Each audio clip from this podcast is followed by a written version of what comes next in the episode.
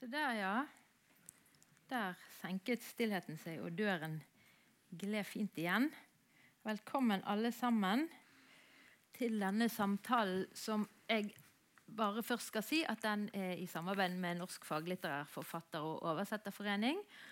Og selv om Littfest Bergen 2020 snart er slutt, og jeg håper at alle har fått med seg mye bra av de gode arrangementene, så fortvil ikke, for det kommer flere arrangementer i regi av NFFO. Og det kommer et den 7. mai, som jeg må anbefale. Et forfatterintervju med Marte Spurkland, som skrev en av fjorårets sterkeste bøker, 'Pappas runer'.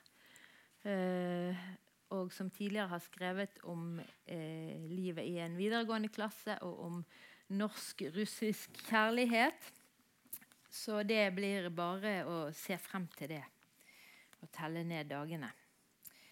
Eh, dette arrangementet eh, i programmet så er eh, Joni Mitchell sitert for sin sangstrofe 'Some turn to Jesus and some turn to heroin'. Og vi kjenner jo òg et uttrykk som 'religion er opium for folket', som òg kobler disse to sfærene. da. Og For å snakke om temaene har vi eh, forfatterne Kristine Hovda og eh, Øystein Skjeloen, som har skrevet også to av fjorårets sterkeste og beste og viktigste vil jeg si, bøker.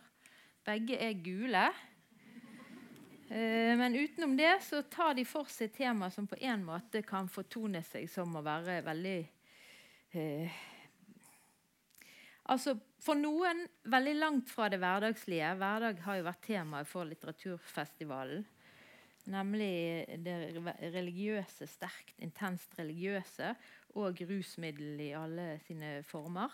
Men for andre så er jo det nettopp det som preger hverdagen. For noen kanskje en flukt, kanskje en protest mot det grå hverdagslige.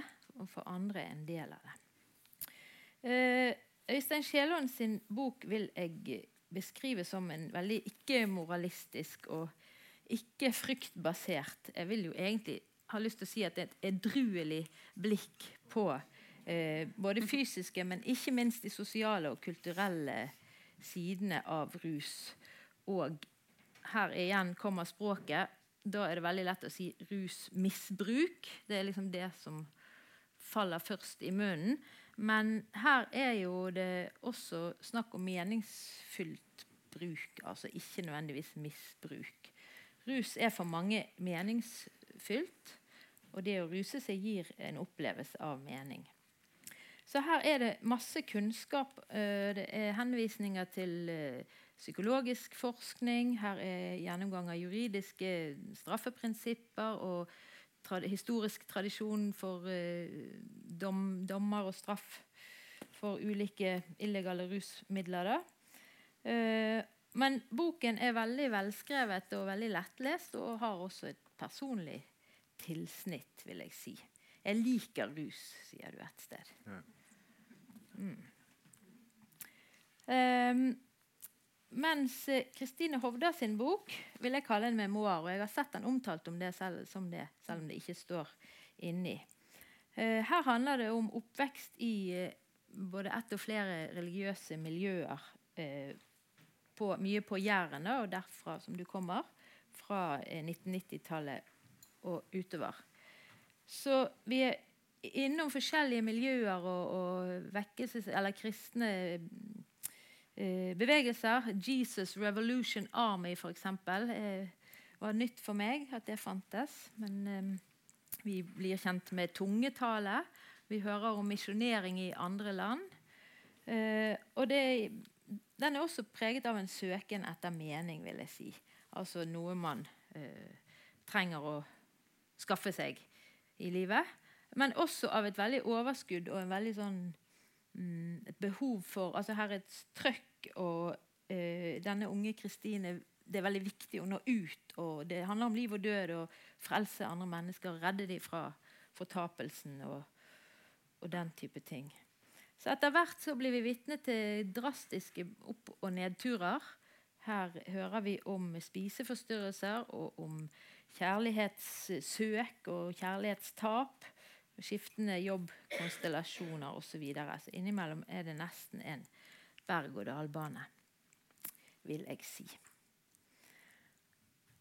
Ellers så er Øystein ganske kjent for å ha tilbrakt deler av sitt doktorgradsstipend på pub. Mm. Ikke bare som en observatør, men som en deltakende observatør på morgen, puber som åpner tidlig på morgenen, og, og hvor, ja, hva som gjør at folk går der for å ta en pils klokken åtte. Det skriver du òg om i, i boken. Eh, mens Kristine har vært journalist i Dagbladet og Dagens Næringsliv og Verdens Gang, NRK. Begge bor i Oslo. Begge har røpet at de er i gang med nye prosjekter. Så det har vi mye å glede oss til. Begge er også musikere, og jeg har jo en tanke om at det er noen sammenhenger der òg, kanskje. Eh, så jeg håper vi får kommet inn på det òg. Med, med kunsten som Kanskje som en rus, eller kanskje som en mystisk opplevelse. Eh, så vi, ja, vi har mye å glede oss til. Både nå og når neste bøker kommer ut. Jeg har lyst til å spørre dere om dere kan begynne med å fortelle helt kort om bakgrunnen for at dere begynte å skrive bøkene. Du kanskje begynne. Ja. Um, jeg begynte å skrive fordi at jeg uh, var i en livskrise. Og jeg trengte å prøve å ha litt styr på kaoset i hodet mitt. Så det, det er det korte svaret på det. Mm. Mm. Kort og fyndig. Du, da?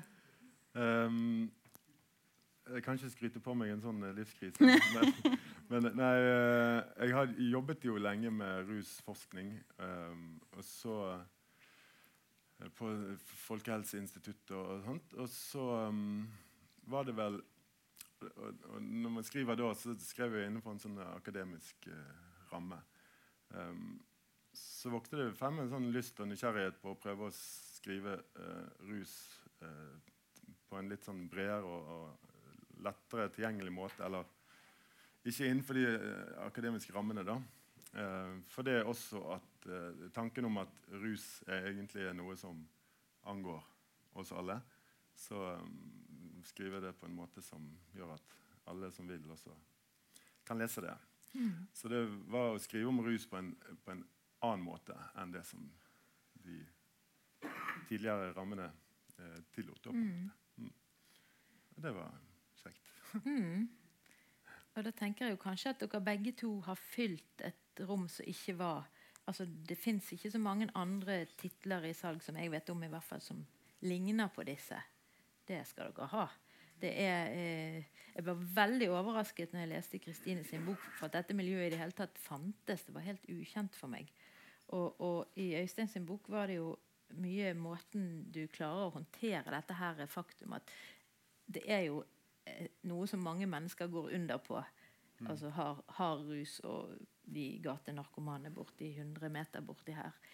Mm. Det er jo virkelig tragedier, samtidig som du sier det betyr noe for veldig mange. Mm. Så rus der og religion der. Eh, jeg tenker at man kan ha en forestilling om at de to hører til så langt fra hverandre. Det er to adskilte verdener som ikke har noe med hverandre å gjøre. Man kan tenke seg at dette er jo så innlysende sider av samme sak at det nesten ikke er vits i å komme her og diskutere det engang. Og så imellom der da håper jeg at, at det finnes noe spennende. Hva tenker dere er det mest eh, innlysende berøringer, eller er det mest to eh, veldig forskjellige tema. Skal jeg begynne? Begynn eh, altså, det er jo sinnstilstander vi jakter på og snakker om. Og det å Vi har jo snakket litt sammen disse dagene her og diskutert liksom, det å ta et rusmiddel for å oppnå en sinnstilstand. Eh, hva er forskjellig fra det og å spille lovsangsmusikk en halvtime? for å komme inn i en sinnstilstand. Um, når jeg var tenåring, så var jeg veldig opptatt av at jeg skulle ikke på en måte kunstig sette meg i en sinnstilstand, for jeg ville at det var Gud som skulle på en måte snakke til meg. Og jeg ville ikke på en måte lage støy på den linja. da. Um, men den, den, typen religion som jeg har vokst opp i, er jo veldig opplevelsesbasert. Um, er veldig opptatt av ekstasen og erfaringen og av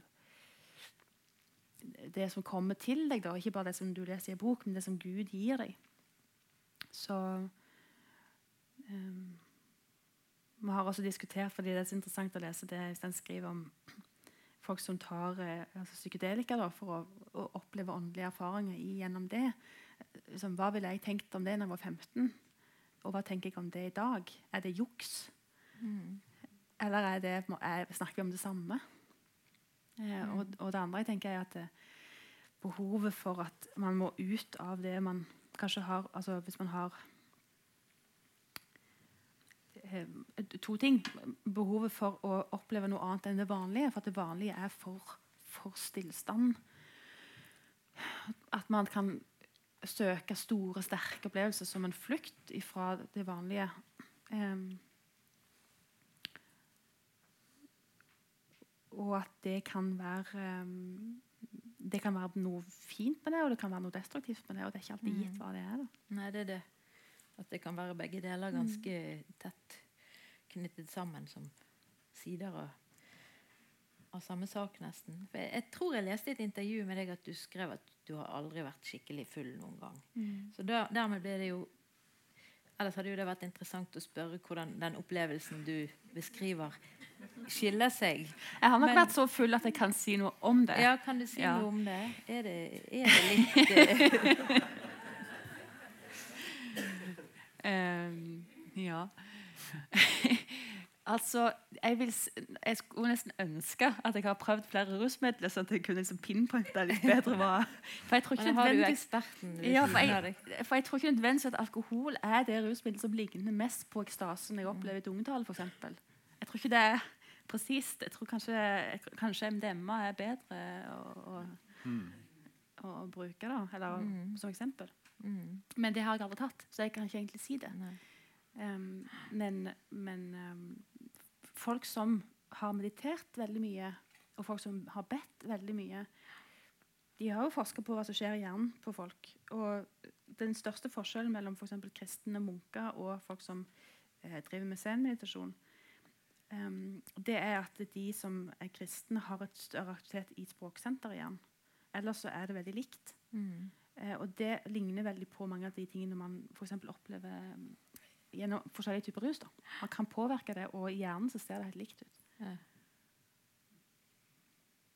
Du, Øystein, når du har jobbet både akademisk og mer som formidlende, har du vært inne på disse tankene at at det kanskje kan være noe av det samme de holder på med? Eller, altså ja, jeg har tenkt på det. Og det er jo Hvis man tenker på rus som, eh, og rusmidler da, som eh, verktøy til å komme i tilstander man eh, søker og ønsker og verdsetter, så Det går an å se på, på, rus og rusmidler, eller rusmidler på den måten. Og det er det er, en, det er enkelt og greit eh, verktøy da, som finnes i verden.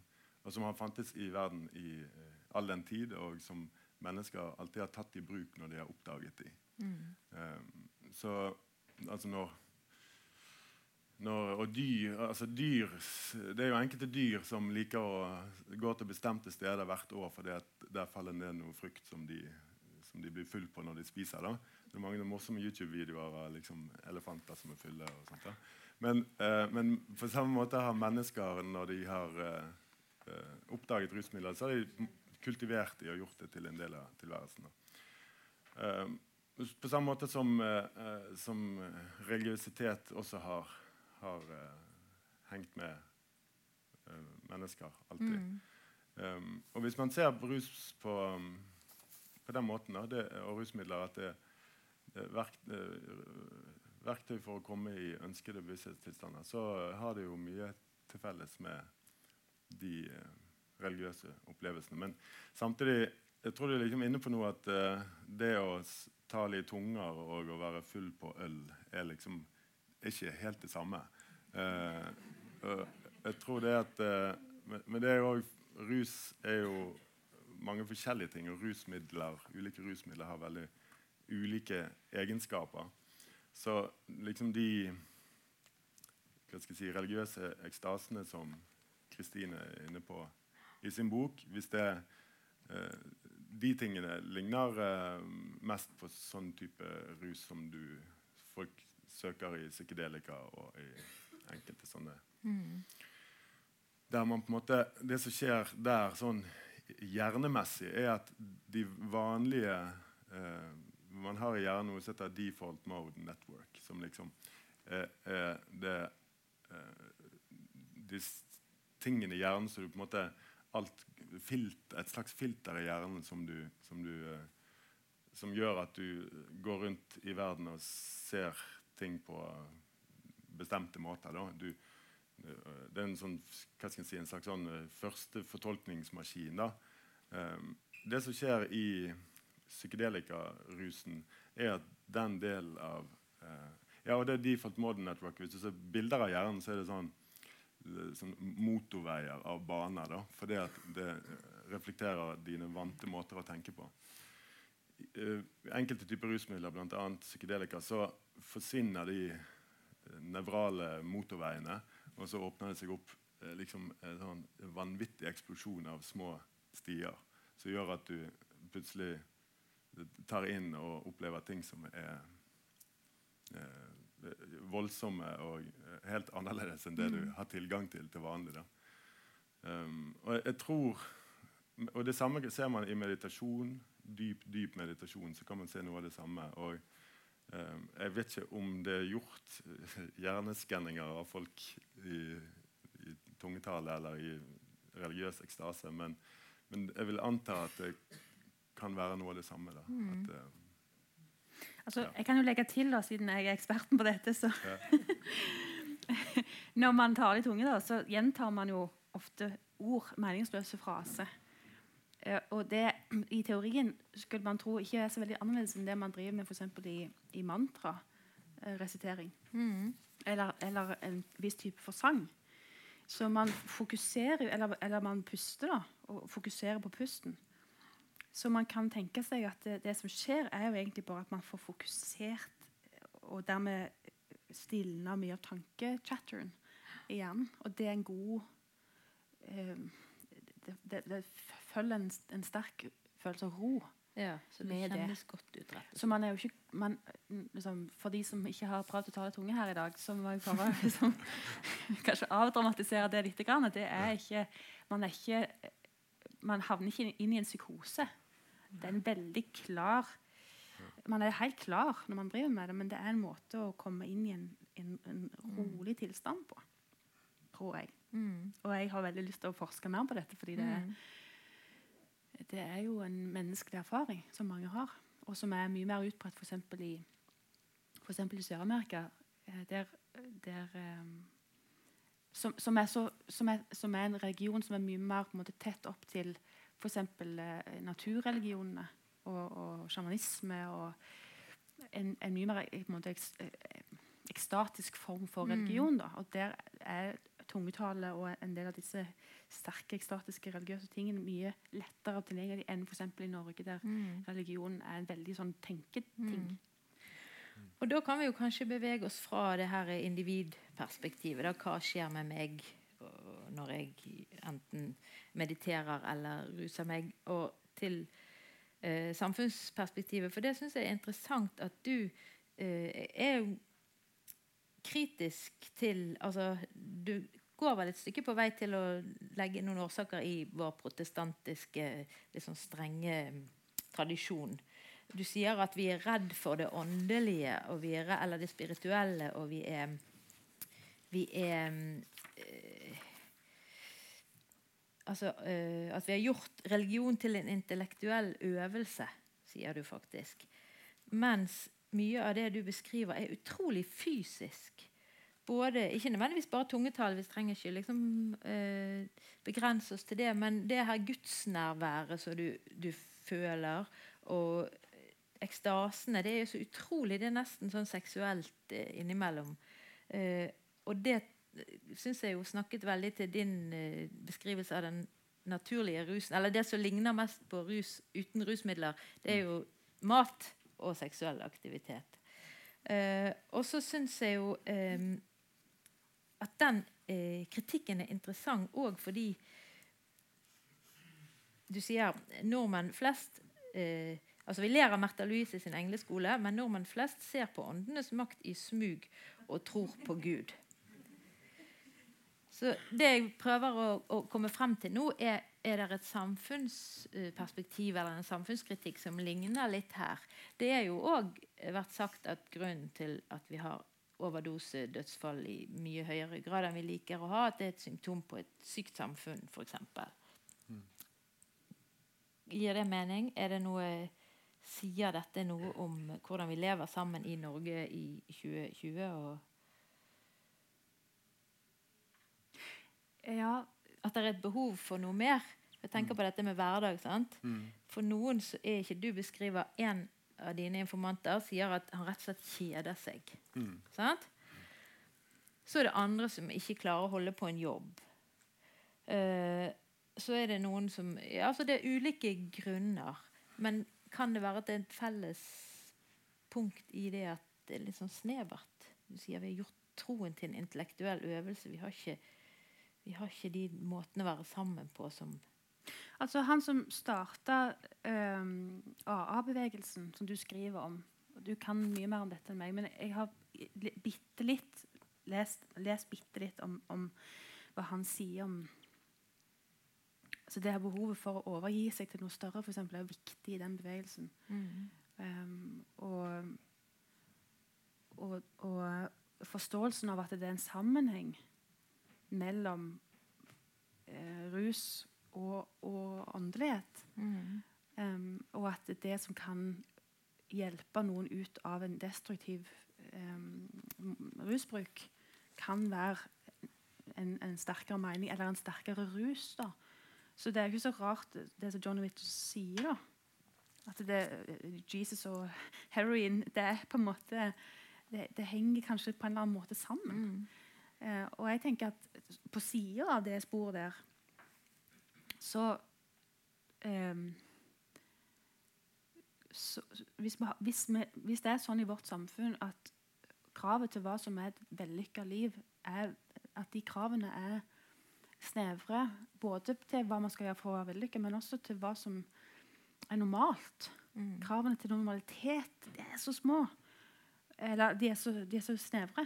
Også mm. i forhold til her sitter jeg og snakker om tungetale. Liksom. Det har tatt meg mange år å kunne snakke offentlig om det, for det er veldig rart. Ja, det tror jeg. Ja, ja nei, men jeg tror det. På det. Ja. Så, så, hva er normalt? Og, og, og, da blir på en måte eh, Det som kanskje kunne blitt sett på som normal rusbruk, noe som man skammer seg over. Mm. Og når man begynner å skamme seg, så blir man sånn enten-eller. Og der tror jeg også det er en link mellom vår type religion som vi har i Norge, der Gud er en Gud som deler ut tilgivelse. Og denne pendlingen mellom å være eh, vellykka eller mislykka, den kan jo føre til en slags type avhengighet. Man blir avhengig av Guds tilgivelse, og man blir avhengig av rusen. Mm. Og man blir aldri helt voksen. Så det er den andre sida av det her når vi snakker om rus og religion. At noe av dette kan være behov for veldig sterke opplevelser der man kanskje egentlig hadde trengt hjelp til å holde ut vanskelige følelser. Mm. Hvis du skjønner hva jeg mener? Ja, og, og det, nå er det noen stikkord her. Avhengighet. Du sier at avhengighet vet vi egentlig ikke hva er. Det er, veldig, det er ikke definert på noen sånn måte. For det man blir avhengig av i en kultur, blir man ikke avhengig av en annen. Eller avhengigheten kan være helt annerledes. Og så er det òg, tenker jeg, fellesskap som er et veldig sentralt stikkord her. Mm. Eh, for den, den, formen for Gud som gir tilgivelse til deg, er ikke den litt sånn individualistisk eh, Altså Det er vekt på eh, meg som meg, og ikke meg som del av en større gruppe. Mens dine Den puben du går på om morgenen, For et sted skriver du at du er litt overrasket fordi de snakker jo ikke sammen. Men så ser du at de har et fellesskap likevel, og det trenger ikke være så mye mer enn at de er i samme rom, og de kanskje nikker eller sier to ord til hverandre. Mm. Og så siterer du eh, Er det Bent Høie som sier at ensomhet er farligere enn å røyke? Ja. Det er jo ganske mm, Altså helseminister det, Vi ser ikke så mange ensomhetskampanjer som vi ser bilder av sånne perforerte lunger rundt omkring. Så ja. Det er jo helt klart eh, Jeg tenkte på det og før samtalen her at eh, um, eh, fellesskapene eh, en, eh, Hvis man ser sånn sosiologisk på det, så, så er rus eh, er jo en, en sosial ting som oftest skjer i, i sosiale settinger. Og jeg vil tenke at det samme gjelder med, med en del religiøsitet. Da, at det, det er eh, det, det, det er to ting. Da. Det er ditt forhold til Gud, og så er det ditt forhold til eh, det fellesskapet som dere deler med eh, og har eh, henvender seg til jul. Og det er litt samme med, med rus òg. At eh, eh, rusen gjør noe med deg uh, som er subjektivt og, og sånt, men så er den uh, veldig sterkt preget av eh, de sosiale eh, situasjonene de inngår i. Da. Og når du snakker om de eh, morgenpubene, så syns jeg ehm, ja, jeg kan jo forklare det. Altså, mitt doktorgradsprosjekt så var jeg ute på sånne puber som åpnet klokken åtte om morgenen og undersøkte det sosiale livet der. da. Eh, så jeg var ute 130 morgener på disse pubene og preiket og drakk og um, hadde det fint. da. Eh, og jeg hadde det fint, og det som jeg merket meg med de med, med hva puben var for folk, da, så var det én ting er at man eh, De er tørste. Mange av de omtaler seg sjøl som alkoholikere. og sånt. Men, eh, men det å komme seg ut på puben er helt sånn en essensiell del av det å være i verden for dem. Da velter de ikke bare inn i sofaen og, og åpner den ølen de klarte å spare fra i går, men, de, eh, men da er du et menneske i verden. Og, og da er det utrolig lite som skal til for å oppfylle det sosiale, eh, det sosiale du trenger. da som, som, du nevnte, det, det, var ganske vanlig å sitte for seg sjøl på de pubene der. Særlig, eh, særlig, de første timene. Men, men, det er disse små, subtile tingene som gjør at Du sier hei til bartenderen, du nikker til en annen gjest som kommer inn. Um, og bare være i et rom sammen med andre er jo noe helt annet enn å være helt alene, selv om du uh, ja, er alene i rommet. da. Men um, så Derfor ble jeg jo også glad i disse morgenpubene. fordi at de tilbød nettopp noe sånn uh, veldig grunnleggende uh, menneskelig. Det som, og kontrasten er veldig sterk til, til uh, 100 meter borti gaten så sto de som er avhengig av illegale rusmidler. Mm. Samfunnet åpner tappekranene for alkoholikeren, men så stenger de byen for den som trenger heroin. Um, så, og hvordan da samfunnet legger til rette for ulike, eller forholder seg til ulike former for eh, rus, blir veldig påfallende når du går fra puben og, Mm. og, og rett borti gaten til de heroinistene. Da. Og, og sånn som jeg forstår deg, så er jo ikke det fordi at stoffene i og for seg altså Heroin er jo kanskje Du, har jo, du er inne på sånn forskjellige måter å gradere farlighet og avhengighetsgrad og sånne ting. Men mye av dette er jo samfunnsskapt, sånn som jeg forstår deg. Ja da. Ja, vi har, vi har konstruert en kat eh, to kategorier rusmidler. Det er de illegale og de legale, som i praksis er på en måte Hvis du, hvis du ikke tenker koffein og sukker og sånne ting, da, men de eh, hva skal jeg si, ordentlige rusmidler, så det er alkohol og så er det alt det som heter narkotika. Uh, og Innen den kategorien som er narkotika, så er jo stoffene helt sånn Det er jo en kategori som ikke gir annen enn juridisk mening. Altså, det, er en kategori som skiller de legale og illegale. For stoffene i seg selv har ingenting med hverandre å gjøre.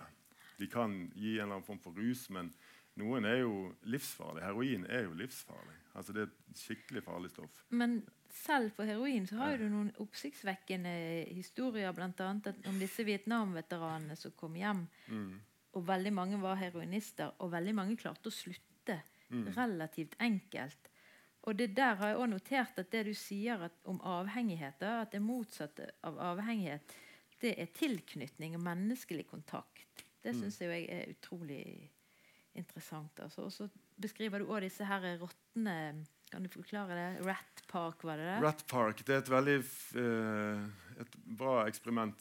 Så Mye sånn rusforskning eh, eh, gjøres på rotter, da, som eh, gir mening fordi at de eh, er, har mye likt med mennesker i den forstand at de trenger stimuli for å være eh, lykkelige. Da. Men mye av eh, Ja, og de har eh, gans, en del av hjernen som ligner ganske mye på menneskelig hjerne.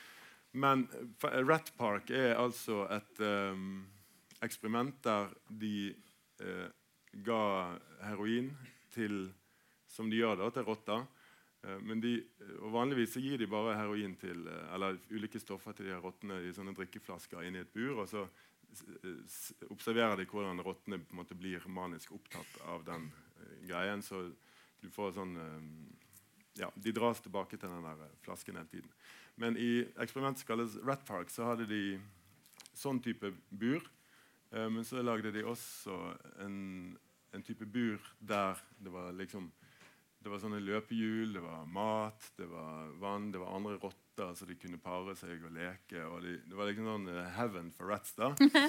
Um, og det de fant da, var jo at um, de som var i Rat Park de var ikke og, Men i begge burene så hadde de denne flasken med, med heroin eller andre stoffer som, som de kunne forsyne seg av så mye de ville. Men inni den Rat Parken så gjorde ikke folk det. da. De, eh, de hadde det fint med hverandre og med alt de kunne gjøre. Så denne heroinen var ikke så interessant lenger. Og, og analogien er, eh, til de Vietnam-soldatene da, er, er at det var Hvor mange var det? 20 eller et eller annet 10% av amerikanske soldater i Vietnamkrigen brukte mye heroin på en sånn måte at de på en måte ble eh, Hadde blitt klassifisert som eh, avhengige. da. Og sånn avhengighet tenker man at det er veldig vanskelig å bli kvitt. Men um, så de var liksom bekymret. Nå kommer alle soldatene hjem, og det kommer titusenvis som bare er veldig avhengig av heroin. Men så kom de hjem, og så uh, sluttet de av seg sjøl. De jeg tror det er 90 eller hva det nå var. Bare sluttet uh, uten noen form for hjelp. De bare sluttet. Og det handler nettopp om da at de var i en sånn om, De var jo ikke isolert, men på en måte var de menneskelig isolert fra alt som er altså De var isolert fra alt som er øh, menneskelig, på en måte, da, i sumpene i Vietnam der og, og skyter på Du er en sånn øh, umenneskelig situasjon, på en måte. Og der var heroin ga mening, ga hjelp da, til å deale med alt de holdt på med der. Når de kom hjem til sine familier, til sine barn, til alt mulig, så ble de påkoblet igjen det essensielt menneskelige som du trenger. Og da var ikke stoffene så De var ikke viktige lenger. Ja. Uh, jeg tenker det er et fint Avhengighet er mange forskjellige ting. Altså, det er hjernemekanismer, det er uh, ja, det, og psykologiske mekanismer. Det, det er mye. Men, men uh, det er en del forskere og sånt som blir, er mer og mer opptatt av alt kommer ned til tilknytningen og tilhørigheten. Mm. Hvis, hvis den er på plass, du, du hjelper mennesker å oppleve seg koblet på andre mennesker, så, um, så um, er det det som er hjelper. mot Og det syns jeg var ganske oppsiktsvekkende mye av disse tingene å, å, å lese om. Og det er jo ikke akkurat der vi er. Sånn, det er jo ikke det politikerne snakker om. Rat Park, nei. Nei. Og hvor lett det er å slutte med heroin. Det er ikke så eh, ofte de snakker om det, eller hvor lett det kan være. Så, så her er det jo et eller annet eh, symbolpolitikk og, og sånt som står på spill, tenker jeg. Og så er det en annen ting som jeg eh, eh, har gått og tenkt på nå i det siste eh, med disse to stikkordene i bakhodet, det er jo, det er jo disse ordene som vi bruker. Når jeg har lest bøkene med den ene sine briller på den andre boken, på en måte, så ser jeg jo at det er jo en del eh, religiøse termer som blir brukt om eh, rus, og ord fra rus f.eks. blir hektet på Jesus, skriver du et sted, og beskriver det òg som en sånn avhengighet. Og, og, og, nesten som en sånn eh, avrusing. Et sted i boken din så skriver du om eh, altså, det liksom å bli Hvor vanskelig det er å eh, ja, å, å, bli nykter, eller hva du skal kalle det på, på religioner, når du prøver på det. Eh, og det er jo også noe sånn sosialt. Jeg lurer på det jeg vil frem til nå, er Er det en spesiell type mennesker som er eh, skal vi si sårbare eller disponert for eller har et talent for å bli så glødende overbevist og, og, vil ut og misjonere og ofre hele livet sitt på at dette her er, handler om det, altså det er det viktigste av alt å få Gud ut til folk. Og som eller som går i, en eller annen form for rusmisbruk. Da, er det eh, Er det liksom en ressurs som ikke får utløp? Eller hvorfor kan noen eh, fikse det helt å være moderat og middelmådig og, og ruse seg når det passer, og det er bryllup og fest, og, og, ikke ruse seg når de skal på jobb. Og, men, og noen klarer å, å, gå i kirken kanskje litt oftere enn på julaften, da, men uten at det blir en livskrise, som, som du sier at du havnet ut i.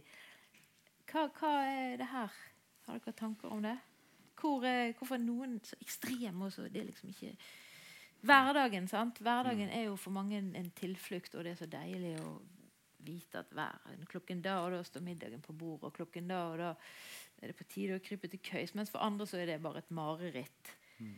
Hvorfor fikser noen det, og andre Nei, jeg tror, du har, jeg tror, du er inne på noe veldig interessant. Og Derfor så har ikke jeg lyst til å friskmelde hverdagen helt. Nei.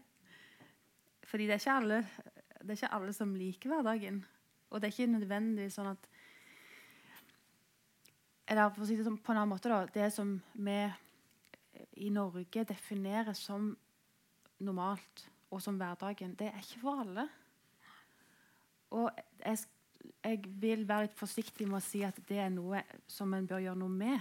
At alle burde synes at det normale og hverdagen som de fleste tenker som hverdag, er det som alle bør få til. Fordi vi trenger mangfoldet, og folk er bare forskjellige. Mm. Og jeg har nok et, et, eh, om jeg kan si et religiøst talent. Um, det har jeg nok, bare for å si det. For jeg har folk som har vært opptatt av åndelige spørsmål i ti generasjoner bak i slekta. Folk som har vært prester og drevet med og, og, ikke bare prester, men også vært um, kunstnere og musikere, og der tror jeg også det er en link. Mm. Vi kan komme til det nå. Det var bra du, du sa. Nei, for det er det du sier at, uh, at Det ene alternativet er jo at alle skal passe inn i hverdagen, og det andre alternativet er at hverdagen skal passe for alle. Nettopp. Og Det var jo du inne på i sted med dette, at det er så snevert. Ja. Men ja, musikken og, og, kunsten. Jeg har vært litt opptatt av det. Også, der har dere noen fellespunkt med det her, denne ecstasy-kulturen, og der man eh, danset hele natten og, og ut av det sjel-opplevelse og gud vet hva det het. Og du beskriver kristen tekno, som ikke er fullt så kjent for meg, i hvert fall.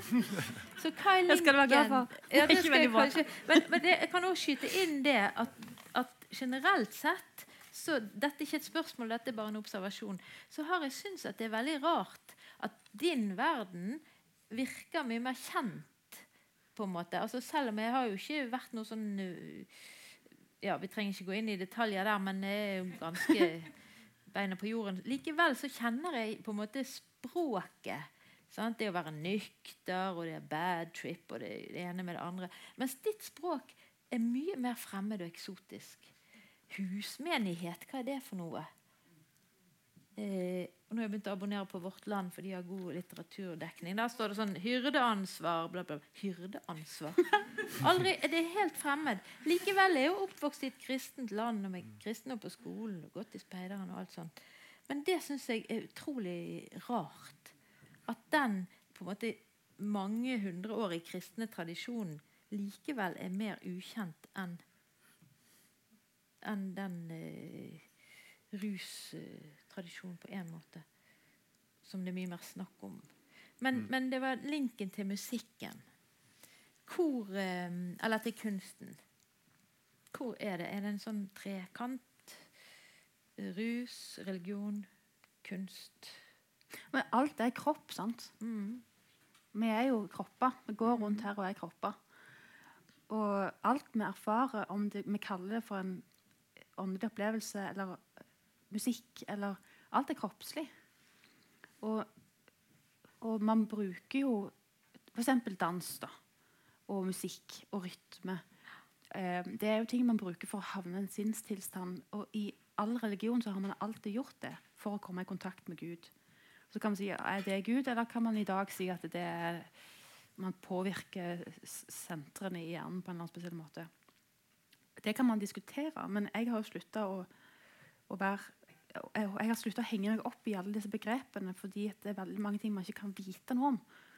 Fordi jeg har trodd på så mange ting i mitt liv som andre syns er helt crazy. Så har jeg slutta å henge meg opp i hva som er sant. Jeg har begynt å snakke om hva som funker. Mm. Eh, eksempel folk som driver med, med kundalini-yoga eller med pusteteknikker eller som faste. Altså, alt dette her kan man kalle religiøst, eller gjør det i en religiøs setting. Og man kan gjøre det i en ikke-religiøs setting. Um, men det funker på samme måte.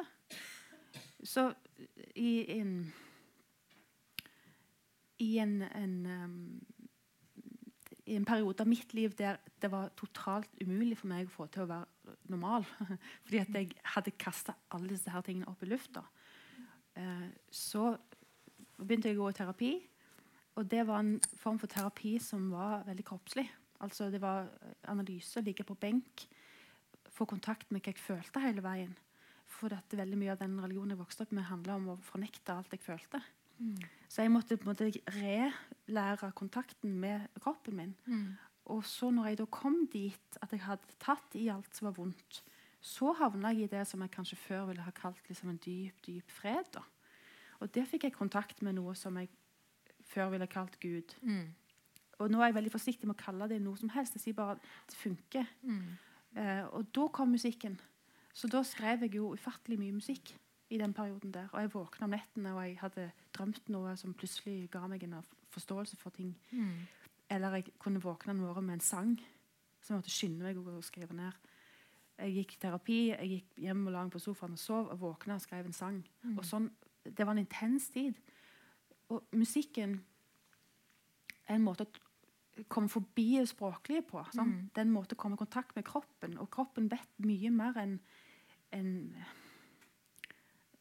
ja, mine vaner da, i hjernen. Mm. Når jeg er vant til å lære å snakke på en spesiell måte, så Mm. kan det være veien for at jeg faktisk forstår noe nytt. Og Det var egentlig litt det jeg prøvde å komme inn på i sted, for du sa det at vi har gjort troen til en intellektuell øvelse. At vi har på en måte skåret vekk veldig mye, både av oss sjøl og det vi er kapable til. Og, og, og sånn. Og jeg tenker at det er det samme med rusen. Hvis du kutter vekk, hvis du sier at du har alkohol, det er ok, alt annet er djevelens styggedom, så kutter du vekk veldig mye. Og så er det ett ord som du bruker en del, som jeg har hengt meg litt opp i, og det er ordet overskridelse. Mm. Uh, jeg vet ikke om du har bevisst eh, Altså, Jeg har vært opptatt av en fransk filosof som heter Georges Bataille. og Jeg skal ikke bli filosofisk, men han, det han, jeg vet ikke om dere kjenner til han. Han skrev pornografiske romaner og var eh, ganske på mange måter sprø. Men han mener at det er Nei, sprø var han ikke, men han mener at det her med behovet for overskridelse det er et grunnleggende menneskelig behov. Mm. Og det kan søkes på ulike måter i rus. Han skriver mye om f.eks. disse helgene som sulter seg til ekstase eller askese og sånn. Eh, eh, orgier, offer Alle ting som bryter med det hverdagslige. Og det som er interessant her, det er at han sier at ah, eller Han kaller det også erotisme, da, for det er mye med erotikken. sånn. All erotisme er egentlig religiøs, sier han. Så det er akkurat som det er en sånn sfære eller en sånn sky som er litt vanskelig å få, få tak i, men som jeg har en følelse av at det er noe der vi prøver kanskje å nærme oss eller å, å si noe om. Og som det behovet for rus som du beskriver, handler òg om noe av det samme. Og at det er noe usunt. Det er jo også et fellestrekk som ofte blir brukt. Sånn sykdom. Eh, nå snakker du du har vært i terapi, og her er det eh, i ruspolitikken. Skal vi behandle det som lovbrudd eller som sykdom? Er det et sykt samfunn? Ja. Den sfæren der.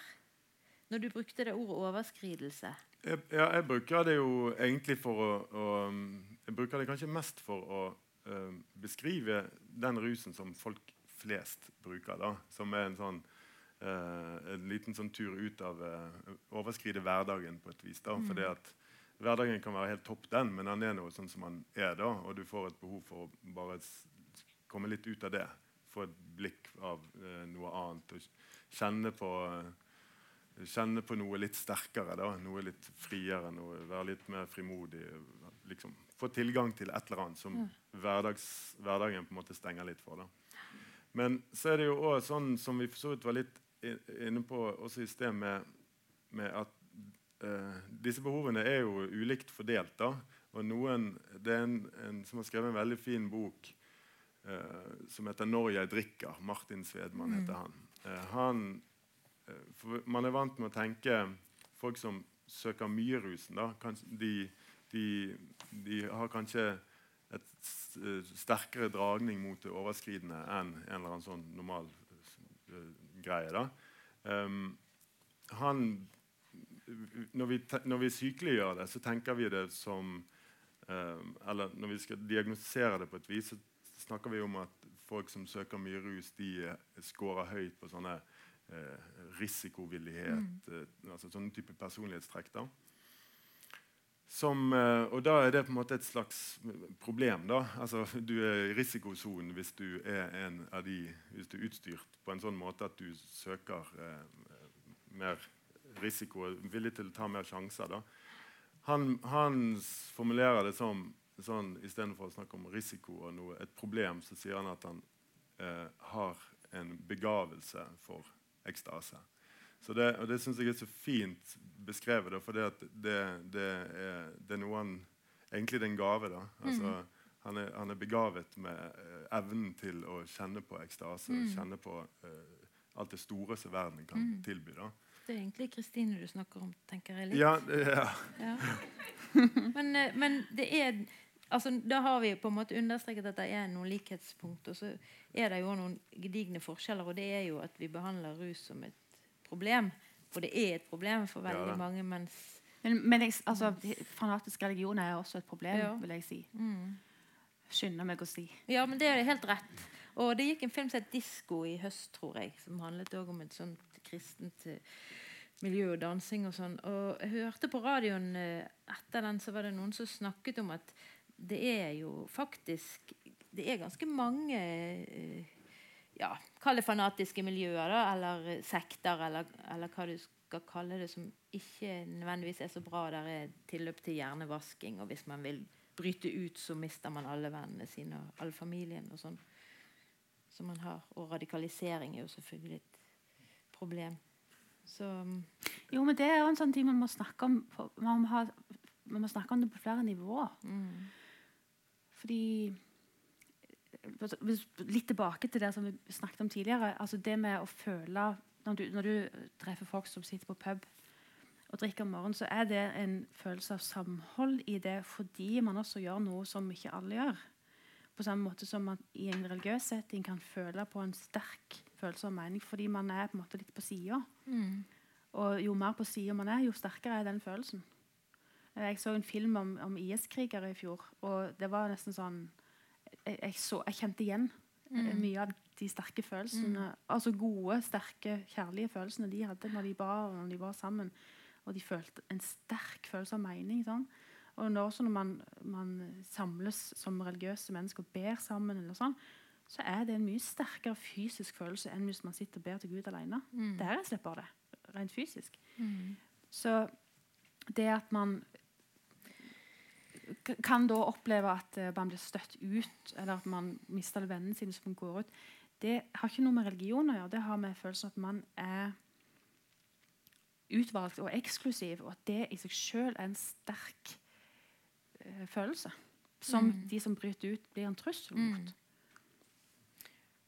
Hvis du skjønner hva jeg mener? Ja. Jeg tror jeg skjønner hva jeg mener, og jeg tenker at det finnes jo samfunn som har forbudt religion. På samme måte som vi i vårt samfunn forbyr veldig mye av rusen. Du sier at vi lager en stor sekkebetegnelse som vi kaller narkotika, som egentlig er så innbyrdes forskjellig at det gir ikke mening. Og den eh, kriminaliserer vi og demoniserer kanskje. Jeg tenker at Den rusen man får av å føle seg eksklusiv, den er skummel. Så hvis man forbyr ting, så gjør man bare den rusen sterkere. For da, man kan aldri hindre folk i å altså I Kina så, så finnes det hvor mange 400 000 undergrunnsmenigheter av kristne. Fordi at de har ikke lov å samles, og derfor så gjør de det hjemme hos hverandre i skjul. Og de er jo de mest overgitte kristne av alle. Så det, der er en mekanisme man ikke slipper unna. Det er akkurat samme på en måte som avhengighet. tenker jeg. Og jeg, har jo, jeg skriver jo bok om spiseforstyrrelser, og du har aldri så lyst på noe som når du ikke får det. Og det å på en måte frigjøre seg sjøl litt fra det der behovet altså La seg sjøl få lov, da. La seg sjøl få lov til å ta den ølen eller spise den bolla. Eller, så gjør man det mindre farlig, og så, så blir ikke hjernen så opphengt i det. Og Der er det også en link til det som jeg snakker om, som er dette heter Jesus-hektet. Ja. At man har en, en forståelse av at Jesus er svaret på alt. da. Jesus er svaret, og så har man kanskje ikke rukket å, stille spørsmålene i livet som man trenger å stille seg. da. Man får Jesus i fleisen før man har blitt seg sjøl. Og det er skummelt. Jeg tenkte på det, for det, jeg, jeg syns det er veldig sterk, den boken din. Eh, fordi at eh, du, er jo, du beskriver jo din barndom. og Du er et ungt sinn da, som blir eh, vokser inn i noe der eh, der religion er så sterkt og altomfattende. Eh, i, I liksom i rusverdenen så er man sånn at man passer på at barn Barn må ikke bruke rusmidler. Fordi vi er på en måte ikke kognitivt og emosjonelt klar for, eh, for rusmidler. Da. Så Derfor så unngår vi av gode grunner prøver å få folk til å begynne med rusmidler senest mulig. Eller i hvert fall til de er liksom eh, bra utviklet. da. I religiøse miljø så prøver man å få barn tidligst. Ja, man får de liksom hekta Ja.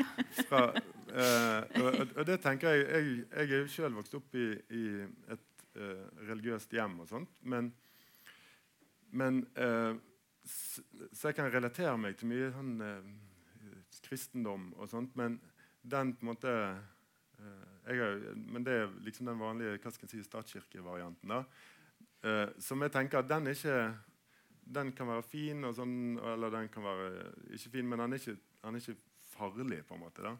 Altså, er ikke, det, eh, mens noe av de tingene som, som du beskriver, tenker jeg på Det er liksom små, små barn da, som blir, som blir forestilt bilder av eh, helvete, og du er redd for din venninne, at hun ikke tror fordi at hun skal Da havner hun i helvete. og sånt det synes jeg, Der har kanskje religiøse miljøer noe å lære og noe å snakke om. Da, at vi, det er greit nok at barn kan få høre om Gud og Jesus, og sånt, men vær litt forsiktig med Akkurat som du, du gir barn litt sukker, men du gir ikke de heroin. liksom. Eller, du gir ikke, så de, vær litt forsiktig. på en måte da.